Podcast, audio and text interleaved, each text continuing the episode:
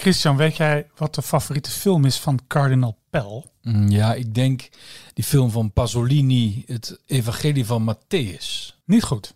Dan The Song of Saint Bernadette. Weer fout. Je mag nog één keer raden. The Last Temptation of Christ. Allemaal Ah, fout. vertel het maar. Escape from Alcatraz.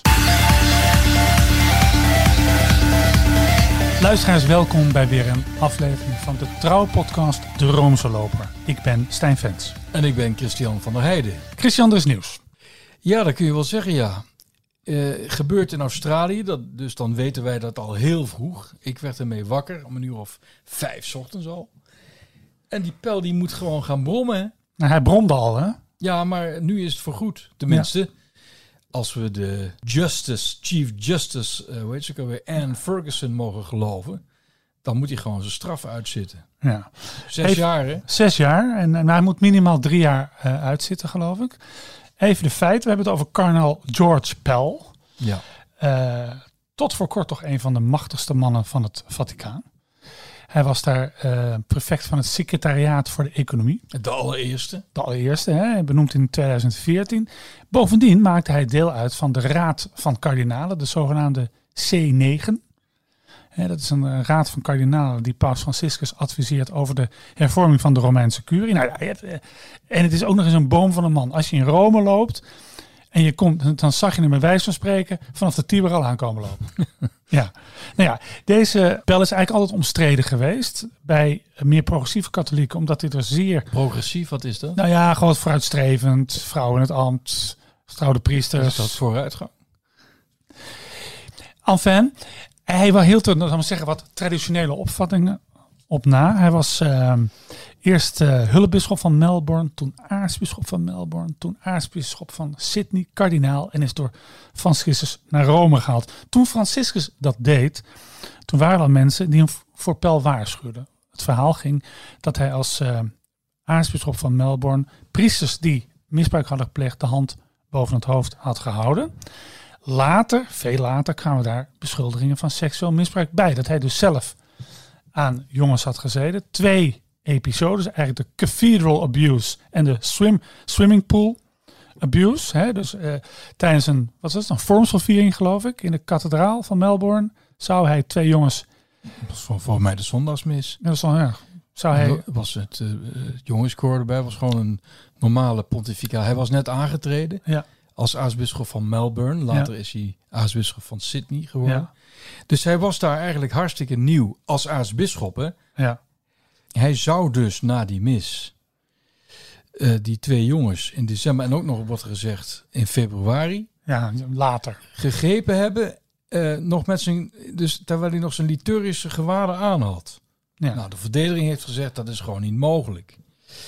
En nu hebben de opperrechters of de raadsheren van de Court of Appeal van de deelstaat Victoria in Melbourne gezegd.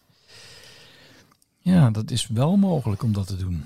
En hebben ze dat dan ook, want dat doen ze bij Ne- in, in Nederland bij rechtszaken ook wel eens, dat ze het eh, naspelen. Hebben ze dat hier ook gedaan? Nou, de verdediging wilde er eigenlijk een animatie van maken, maar dat werd afgekeurd. Maar ik denk wel, ja, ik mag toch hopen dat ze zoiets gewoon wel in scène hebben gezet. Ja. Hoe kun je het anders eh, verbeelden en Ja. bewijzen daardoor? Ja, het gaat Ja. om twee jongens. Eén van de jongens eh, heeft zelf niet meer kunnen getuigen, Nee. want die is overleden aan een overdosis. Ja, en, en, en de getuige die dat wel heeft gedaan, dat vermeende slachtoffer. Ik zeg nog echt vermeend hoor, want mensen zouden kunnen denken, ja, vermeend, dat is flauw. Hij is gewoon het slachtoffer van Pijl, punt. Ik zeg toch nog vermeend, omdat hij nog een keer in beroep kan gaan. En eh, niemand weet echt de waarheid, Eh, dat weet alleen eh, God. En als twee van de drie rechters van die Court of Appeal zeggen hij schuldig en eentje niet, kunnen wij dan zeggen, dus het is een feit? Ja, juridisch wel. Nee, Maar bent, ontologisch gezien weet ik het nog niet zo net. nee, en je bent niet de enige, want er zijn heel veel, maar zeggen, supporters van Carnapel die ernstig twijfelen aan zijn schuld, die het hele recht, de hele rechtsgang eigenlijk belachelijk eh, vinden. Dus hij heeft in die zin, zou je kunnen zeggen, bij althans toch wel een redelijk grote groep Australische katholieken, die schijnen nog altijd mee. Ja. Nou heb ik eh, de verklaring gelezen van zijn eh Prodeo-advocaten. En ik ben wel geneigd om hem te geloven. Dus wie bedoel je nu? Het, het vermeende slachtoffer. Ja. We weten niet wie het is. Er is ook, eh, het is ook verboden om zijn identiteit te achterhalen. Dat mag niet. Hij moet echt anoniem blijven, ook volgens de rechter. Maar ik ben wel geneigd om hem te geloven. Ik denk niet dat hij een leugenaar is. Maar van de andere kant eh, vind ik zijn verhaal ook weer niet geloofwaardig. Dat zijn twee dingen. Dus volgens mij heeft hij het verkeerd, zich verkeerd herinnerd. Maar goed, wie ben ik? En uh, dit bedoelt Pel. Nee, het slachtoffer Ja. heeft het zich verkeerd herinnerd. Ja. Wat twee van de drie opperrechters nu zeggen in de Court of Appeal is dat Pel, die altijd overeind heeft gehouden, ik ben onschuldig, dat hij een leugenaar is. Dat, dat zeg je daarmee.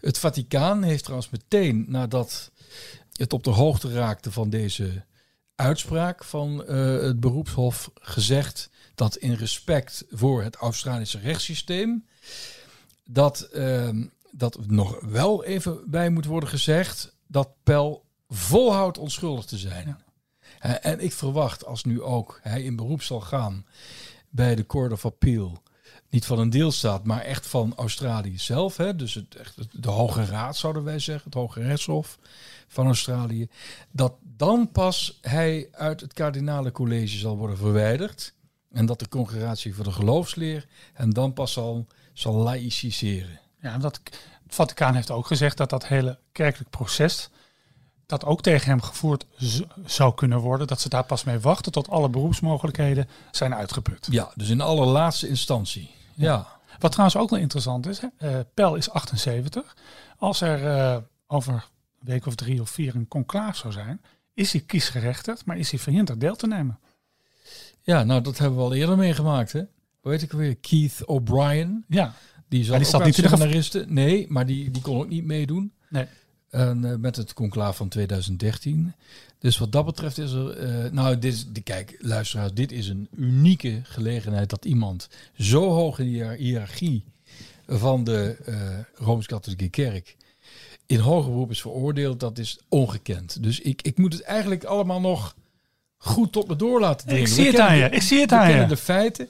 Maar het is... ehm, ja, dus ik, ik zie hem toch al zitten daar. Hij wordt volgens mij ook eh, in eenzame opsluiting vastgehouden.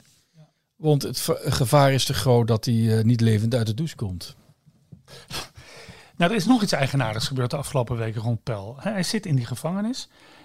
Er is een brief uitgelekt van kardinaal Pel. Tenminste, we gaan ervan uit dat hij van Pel is. Het is nu niet door hem officieel bevestigd, maar wel door mensen om hem heen. Dus uit de gevangenis heeft hij een brief geschreven aan zijn, eh, zijn medestanders.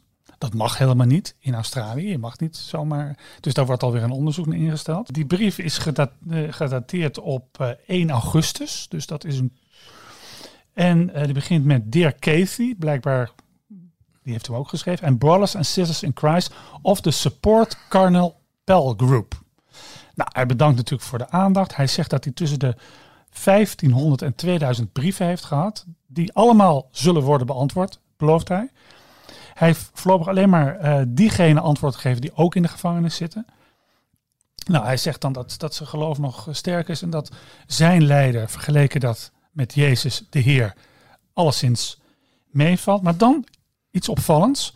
Dan haalt hij uit naar het werkdocument van de Amazone-synode.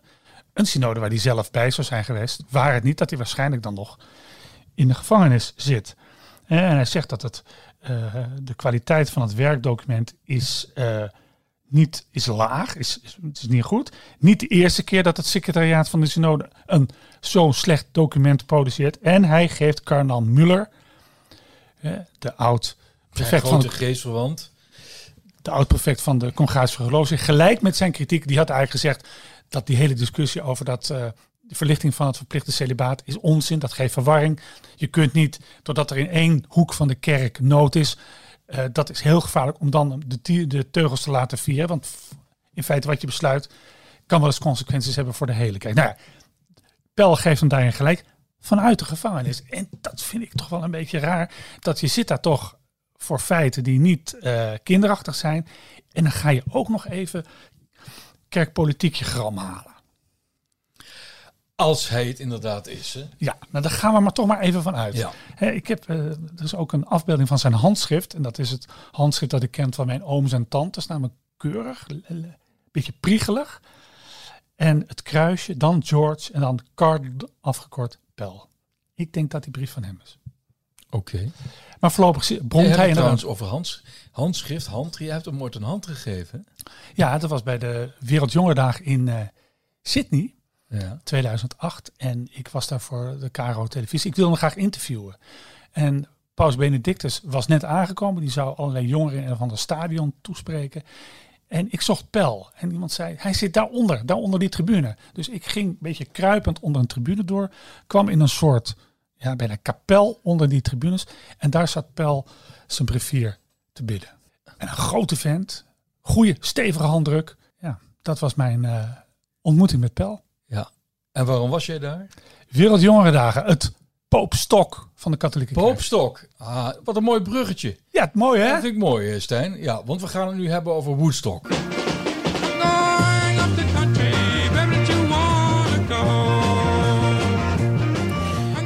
Woodstock, 50 jaar geleden, Stijn. Jij was toen twee of drie? Nee, jij was drie. Ik was drie jaar oud. Ja, ik was één. Ik had net de maanlanding eh, meegemaakt. En daarna Woodstock. Wat een jaar was dat, hè? En ik weet dat mijn ouders zo door het huis liepen, onrustig en ruzie maakten. Want mijn vader wilde dan naar Woodstock, maar mijn moeder Ja. wilde dat dan weer niet. Hè? Ja, mijn ouders waren te stoned. Die waren echt... eh echt Maar het, was, het was wel een mooie tijd. hè? Ja, nee, maar ze hebben het altijd over die Woodstock-generatie. Eh, George W. Bush was ook van die generatie. Hè? Donald Trump van, was van die generatie.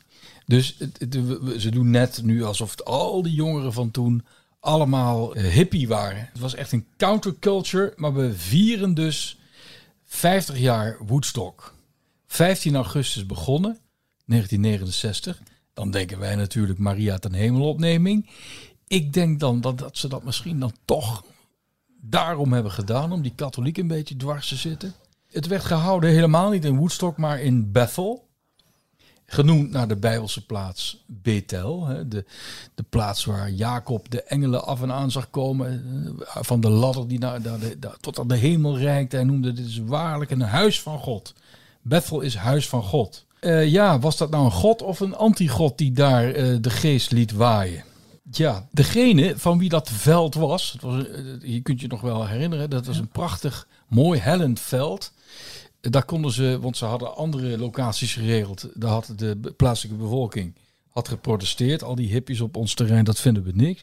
Toen hadden ze een Joodse melkveehouder bereid gevonden, want die was eigenaar van het veld, om, eh, om, die, om die grote weide eh, te, te eh, huren. En die man heette Max Yesgur. Eh, Die horen we dadelijk ook nog even, want die gebruikt ook de naam van God. Hij was zeer onder de indruk van de vreedzaamheid van al die kids. En hij zag daar waarschijnlijk toch de geest van God in. Misschien een soort Jacobsladder, je weet het nooit. Eh, de naam van Max Yesgur komt terug in dat beroemde nummer van Joni Mitchell.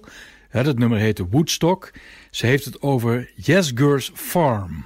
Dat nummer Woodstock had zij zwaar gefrustreerd geschreven. Want ze was helemaal niet aanwezig bij Woodstock. eh, omdat zij van haar manager op tijd aanwezig moest zijn in New York voor een interview. Eh, later is dat nummer, Woodstock, uitgevoerd door eh, verschillende bands. De beroemdste natuurlijk, degene die zelf aan Woodstock hadden deelgenomen, Crosby, Stills en Nash. Laten we er even naar gaan luisteren.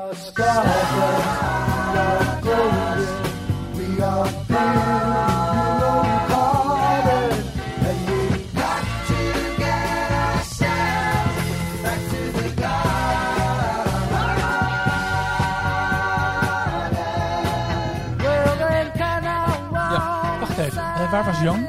Cross, die was Nash? er ook, Ja? was er ook, maar die deed toch niet mee met de akoestische eh, set van. Crosby, Stills en Nash. Oké. Dat vind ik trouwens het hoogtepunt. Oh, die, die close harmony, geweldig. En dat zal jou aanspreken. Ze hebben toen ook, meen ik, eh, Strawberry Fields. Of Blackbird. uit- Nee, Blackbird. sorry, Blackbird. Blackbird hebben ze uitgevoerd volgens Ja, mij. Ja. Van de Beatles. Richie Havens deed volgens mij Strawberry Fields. Ja. Dus de Beatles waren er wel niet, maar toch ook wel weer wel. En eh, Joe, Joe Cocker deed toch eh, With a Help from My Friends. ja, oh ja, natuurlijk. Ah, Zo Zo- dus? Zoals Willem van Hadegem zegt, eh, Joe Cocker. Ja. Maar in ieder geval, we hoorden net zingen, wij zijn sterrenstof. Hè, wij zijn van goud. En we moeten ervoor zorgen dat we teruggaan naar de tuin. Nou, dan hebben ze het over de garden. Dat, is, eh, dat heeft niks te maken met, eh, met, met een mooi Engels programma over English Gardens. Maar over de Hof van Eden. Dan zie je daar ook weer die bijbelse reminiscentie. En de boodschap is, we hebben geen hemelse verlosser nodig. Wij kunnen op eigen kracht het aardsparadijs vestigen. Wij verlossen onszelf wel. We hebben die hele Christus niet nodig. Want eh daar is een, een nieuw tijdperk aangebroken. Tijdperk van Aquarius, de waterman. Het werd ook aangekondigd als een Aquarian event.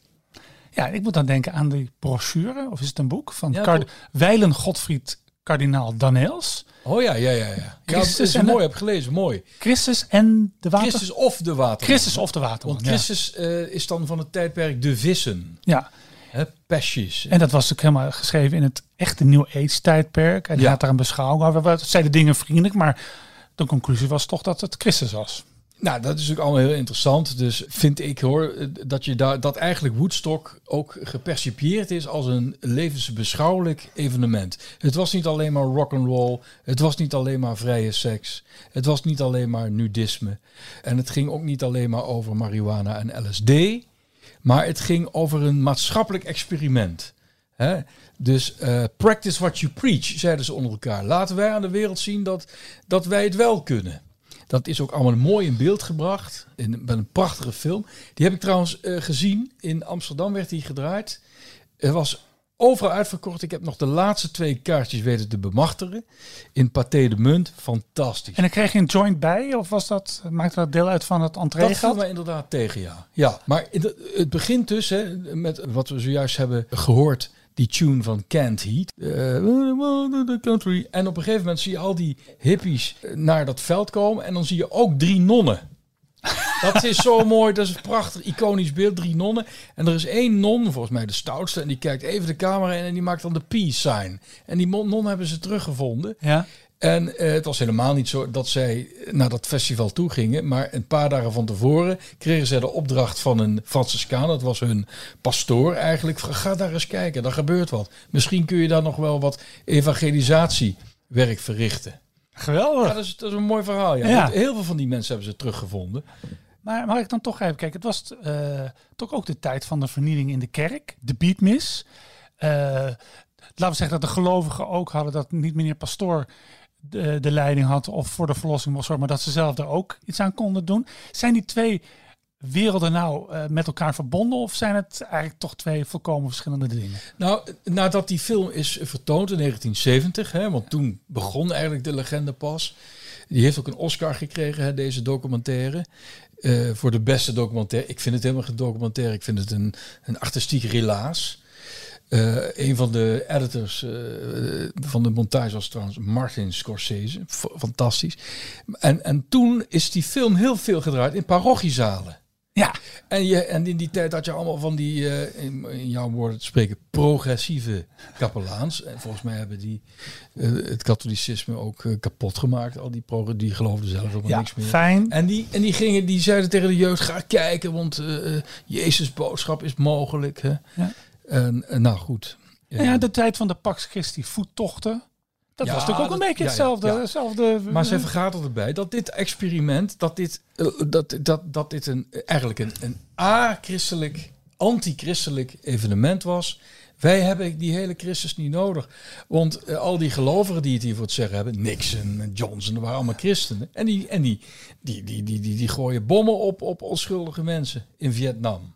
Maar het is 50 jaar later, er zit nu iemand in het Witte Huis die ja, in zijn, niet alleen in zijn gedrag, maar ook in zijn beleid en in zijn taal volkomen haak staat op de Ja. En hij was toen 23. Ja, hè? ja. Hij was van diezelfde generatie. Ja. Maar dat, eh, hij staat er verder dan ooit van. Dat is een andere Ja. planeet. Het is, het- eh, ja, het is, Dus het heeft allemaal niks geholpen, denk ik dan. Nee, het is sowieso niks geholpen. Oh. Nee, nee. Maar het maakte wel heel veel indruk, ook op die ontzettend sympathieke melkveehouder. Ik noem de naam nog één keer, Max Jasgur. Laten we even naar hem luisteren. The important thing that you're proving to the world is that a half a million kids, and I call you kids because I have children older than you are, a half a million young people can get together and have three days of fun and music and have nothing but fun and music. And I God bless you for it. Hè, dus, dus ik moet dan ook eh, denken aan wat in de handelingen van de apostelen staat. hè. Ah, fijn. Eh, van, eh, dan k- dan zien zij hoe die christenen lief zijn voor elkaar en alles samen delen en zo. Ziet hoe zij elkander beminnen. Dus dat, dat, dat hoor ik toch een beetje in wat Yes Gur net zei. Trouwens niet, hij is een paar jaar daarna trouwens overleden in Florida. Want zijn, zijn collega melkveehouders daaromheen, die hebben hem trouwens ook een proces aangedaan. Want die hippies die hebben zoveel eh, landbouwgrond verwoest. En wat ik ook mooi vond, is dat hele weideveld. Dat is door, door, door, door wat landbouwspecialisten vastgesteld. eh, eh, overbemest geraakt. En dan eh, ja, door human waste. Die romantisering van Woodstock. eh, dat, dat is een, een ik, ik noem dat een levensbeschouwing. En met eigen apostelen ook. Hè? En een van de belangrijkste, nou noem het maar, evangelisten in Nederland is, jij kent haar heel goed, want ze heeft ook voor de KRO gewerkt. Ja, Diewertje Blok. heb ik nog een programma meegemaakt. Nou, tussen hemel en aarde Nou, heette dat. Kijk, tussen hemel en aarde. Of er is meer tussen hemel en aarde hemel, dat. dat weten we nu, was Woodstock 69. Voor de geweldige omroep Max. Ook allemaal joint rokers. Ja, ja, Heeft zij een, eh, een, een programma gemaakt, Het Moment.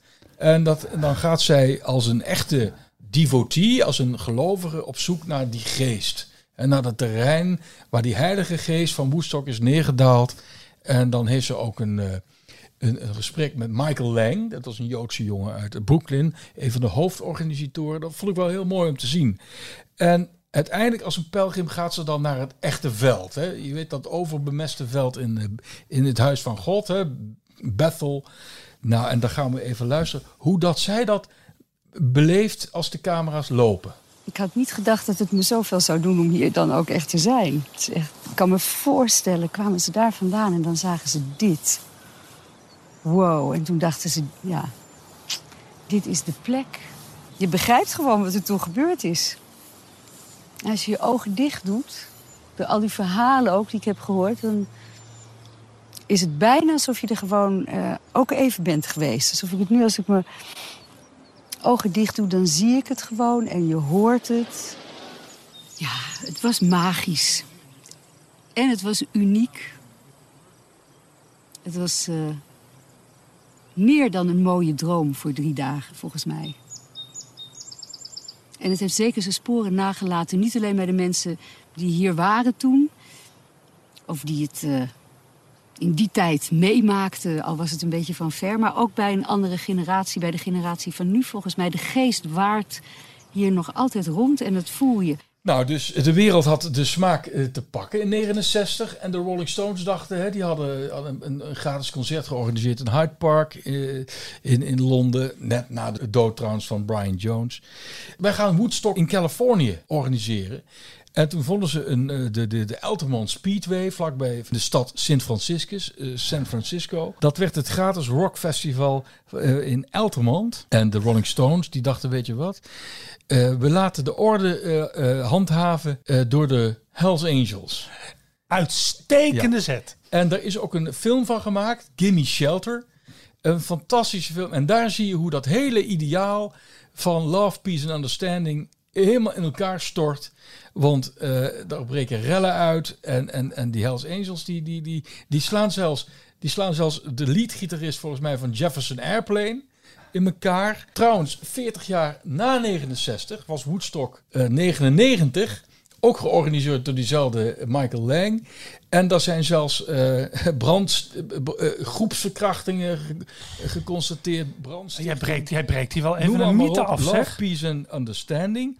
Dus ik wil even tegenover een beetje de, de, het naïeve geloof van Diewertje Blok... de nuchterheid laten horen van Grace Slick... Hè, de grote rock bitch eigenlijk van Jefferson Airplane... die daarbij was. Die was zowel in Woodstock als in Altamont... En die zegt in een interview met CBS in 2009 over Woodstock het volgende. Crosby, Stills, Nash, and we are stardust, we are golden, and we got to get ourselves back to the garden and half a million strong and blah blah blah. Ja, zij is toch ook van We Built This City? Klopt, toen heette het Starship. Ja, Eerst was het ja. Jefferson Airplane. Toen eh, Jefferson eh, Starship en toen Starship. Ah, ik, ben, ik, vind het een goed, ik vind het een goed mens. Haar dochter was een hele bekende VJ. China heette ze met de voornaam. Bij MTV. Drie keer raaien waar zij een eh, academische graad in heeft gehaald. Theologie? Christelijke theologie. Ja. Aan een Jezuïetenuniversiteit. Nou ja, dat is En daar- nou jij weer. Met de cirkel, Christian, is nu zo rond dat we hem moeten verlaten. Want het is, het is veel te mooi allemaal. When I get to the bottom, I go back to the top of the slide. Stop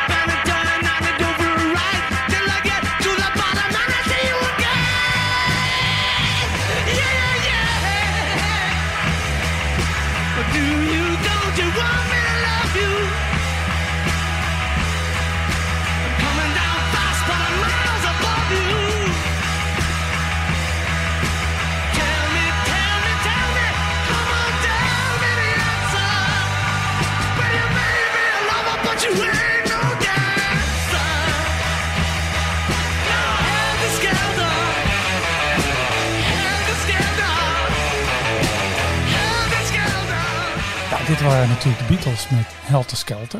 Ja. 68, de White Album. Volgens mij is dat het eerste hardrock nummer ever. Ja, dat, dat roept McCartney altijd. Ja. Hè, want die, ik, ben, ik ben eigenlijk een hele wilde jongen, zegt hij dan. Ja. Laatst hebben eh, en Ringo Starr en McCartney het weer uitgevoerd. Bij het slot van de Ja. Amerikaanse tournee van McCartney in Los Angeles. Hè. Man van 78 of bijna 79. En een man van 77 die een beetje wild gaat doen. Maar goed, Ja. het een geweldig nummer. Ja. Ja. Helter Skelter. Weet jij wat dat is eigenlijk, een Helter Skelter? Nou, daar ben ik onlangs pas, pas achtergekomen, maar ik, ik heb er eigenlijk geen goede definitie voor. Een soort kermisattractie, toch? Glijbaan. Maar dan Een één die zo eh, rondgaat. Zo'n Ja. zo'n zo'n spiraalachtig. Ja. Zeg je dat? Ja, dat kun je zo zeggen, ja. Ja. Met, met wat mooie lichtjes erin. Ja. Ja. En waarom gaan we het hierover hebben? Omdat er een kerk is in Engeland. Die heeft gedacht, weet je wat, het bezoek loopt al terug. Laten we proberen de mensen eh, weer naar de kerk te krijgen door een speciale attractie in de kerk in te bouwen en wel een glijbaan. Ja, en niet zomaar een kerk, nee. De Anglikaanse kathedraal, een prachtige middeleeuwse kathedraal, gotische kathedraal van Norwich. Ja, Ja, ik, eh, het, eh, Trouw heeft erover bericht. Ik heb de Ja. foto gezien. in ik Rochester hadden ze een midget golf. ja, en ik, ik kom net terug uit Engeland. Ja. En ik ben in de prachtige kathedraal gaan kijken van Lincoln. Eh, daar wordt Oliver Twist opgevoerd. Dat is gewoon een theater. Het hele stuk is een theater. En in York, daar willen ze ook gaan doen, willen ze een... eh, Maar even voor de duidelijkheid, Ja. die kerk is nog in gebruik. Die, ja, die is die- nog zeker eh, voor de eredienst. Maar die Anglikanen die denken, we moeten meer mensen die kathedralen inkij- inkrijgen. Ja, even, even een kerk die niet meer gebruikt wordt, is de Clemenskerk in Hilversum. Ja. Daar, dat is nu een trampolinehal. ja, maar goed, die is niet meer... eh, Ja, vind, ik ook, vind ik ook ja, vreselijk. dat is ook vreselijk. We hebben Ja. jouw column erover gelezen. nou ja, dus het ging, vroeger ging het om Ja. de hemel bereiken en nu alleen om hoogte bereiken. Ja, ja. Maar Kijk, er zit iets sympathieks in. We willen natuurlijk dit enorme cultuur, cultureel erfgoed voor een zo groot mogelijk publiek eh, toegankelijk maken. En laten we zoveel mogelijk mensen naar binnen lokken. Maar je lokt ze binnen in een heiligdom. ja, Dus ik vroeg dat aan zo'n eh, zo'n zo'n zo'n zo'n canon, zo'n kanunnik. Ik zeg, waarom doen jullie Anglikanen dat? Want het gaat heel slecht met jullie, hè, want jullie zijn bijna, komen bijna geen mensen meer in de kerk. Is het daarom? Ja, maar weet je wat het is? In de middeleeuwen was het in het eerste gedeelte van de kathedraal was eigenlijk een verlengstuk van het, van het plein. Daar gebeurde alles wat God verboden heeft. En richting het priesterkoor, dat was eigenlijk voor het heilige. Ja, maar ja, ja, ja, oké. Ehm, dus je geeft toe dat, eh, dat dit niet zo geschikt is voor een heiligdom, zei ik. Toen begon hij een beetje verlegen te lachen. Volgens mij hebben er heel veel mensen eh, binnen die Anglicana moeite mee, maar die schrikken zich. Het is natuurlijk ook een staatskerk waar heel veel salarissen eh, natuurlijk worden uitbetaald. Dus je moet wel een beetje op dezelfde lijn zitten als je werkgever. ja, ik moet erg denken aan Dominee Bongers. Dat was een personage uit eh, de tv-programma's van Wim T. Schippers, chef Ja. van Okkel. En dat was ook een dominee, dominee Bongers. En die besloot op een dag een Hawaii-shirt aan te doen. Want, zei hij, daarmee trek ik meer jongeren. Ja, ja. Dus eh, dit, doet mij, dit is eigenlijk het dominee Bongers effect. De vraag is misschien dat er één of twee of drie keer wat meer mensen komen. Maar dit Ja. lijkt toch toch helemaal niets. Nee, ik- was in Ely. Hè. Ely is een van de mooiste kathedralen van, van, van Engeland. Daar was een, een mevrouw, die was daar, zat op haar knieën bij een Maria-beeld in de Ladies Chapel. Heel mooi, kaars op te steken, heel devoot. Maar daar tegen een, in een hoek waren allerlei dingetjes opgesteld. Het maakte deel uit van een kinderspeurtocht. Eh, eh, seculier, hè? het ging over konijntjes en vlindertjes nogal. En dus die hele kerk zat vol met kinderen op zoek naar, naar eh, de nieuwe clue voor een kinder, kinderspeurtocht. Heel sympathiek. Maar het, de kerk is geen peuterspeelzaal. Nee, En dan, en dan zegt, zegt een andere, ja, maar Jezus zei, eh, ehm, eh, hoe zeg je dat? Laat de kinderen tot mij komen. Ja, tot mij. Eh, maar, maar, maar Jezus was geen Martin Brosius.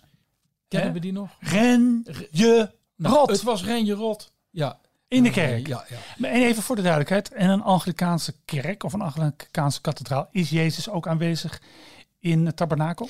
Ja, in de High Church heb je inderdaad ook, daar hebben we te danken aan de Oxford Movement, heb je inderdaad ook tabernakels. Meestal bevinden die zich dan in de cryptus of in een zijkapel.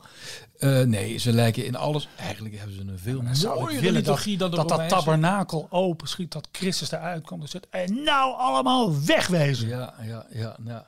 ja. Wat, wat zei Herman Vinkers hier ook alweer over? Want hij vindt het ook helemaal niks. Eh, hij, hij vindt het mysterie toch ook, eh, dat moet intact blijven. Eh, de- hij zei van ja, het is net alsof je mensen een bordeel probeert in te lokken met het, met, met, met, met het rozenkransgebed. Ja, dat, dat die pooier zegt, ja, we willen eigenlijk veel meer mensen hier het bordeel inkomen, in, in, ook de gelovigen, en dan bieden we ze het rozenkransgebed aan. Maar uiteindelijk, hè, je kunt die mensen die vanwege een glijbaan naar de kerk gaan, eh, niets verwijten. Nee, natuurlijk Maar ik vind, je kunt Nee. het wel de beleidsmakers Ja. verge- want, want die hebben het. Het is eigenlijk hetzelfde als de beatmis. Hè? Eh, Ja. Ze, dachten door de drumstijl toegang te gunnen tot de kerk om de gelovigen te behouden. Het heeft niets geholpen. Sterker nog, het heeft een groep gelovigen juist uit de kerk verdreven. En dat gaat nu ook weer. En, maar die, de aartsbisschop van Canterbury, Justin Welby, is daarvoor. Hè? Eh, En andere bisschoppen die zeggen: een kathedraal moet niet verheven zijn. Dan denk ik, kijk eens even naar het vormenspel van, van de gotiek. Hè? De verticale lijnen domineren om die ziel naar boven te zuigen. Naar God. Niks verhevens. Kom op nou. Als dit gebeurt, dan zit er maar één ding in. Op het moment dat de kathedraal verlaten is, een klein precisiebombardement. Weet je wie hier de schuldig aan is? Dat is de, dat de een of andere paus Clemens. Die had dat huwelijk, dat eerste huwelijk van Hendrik de Achtste, had hij gewoon nietig moeten verklaren. Dan was dit allemaal niet gebeurd. En dan waren we van een hoop ellende verlost.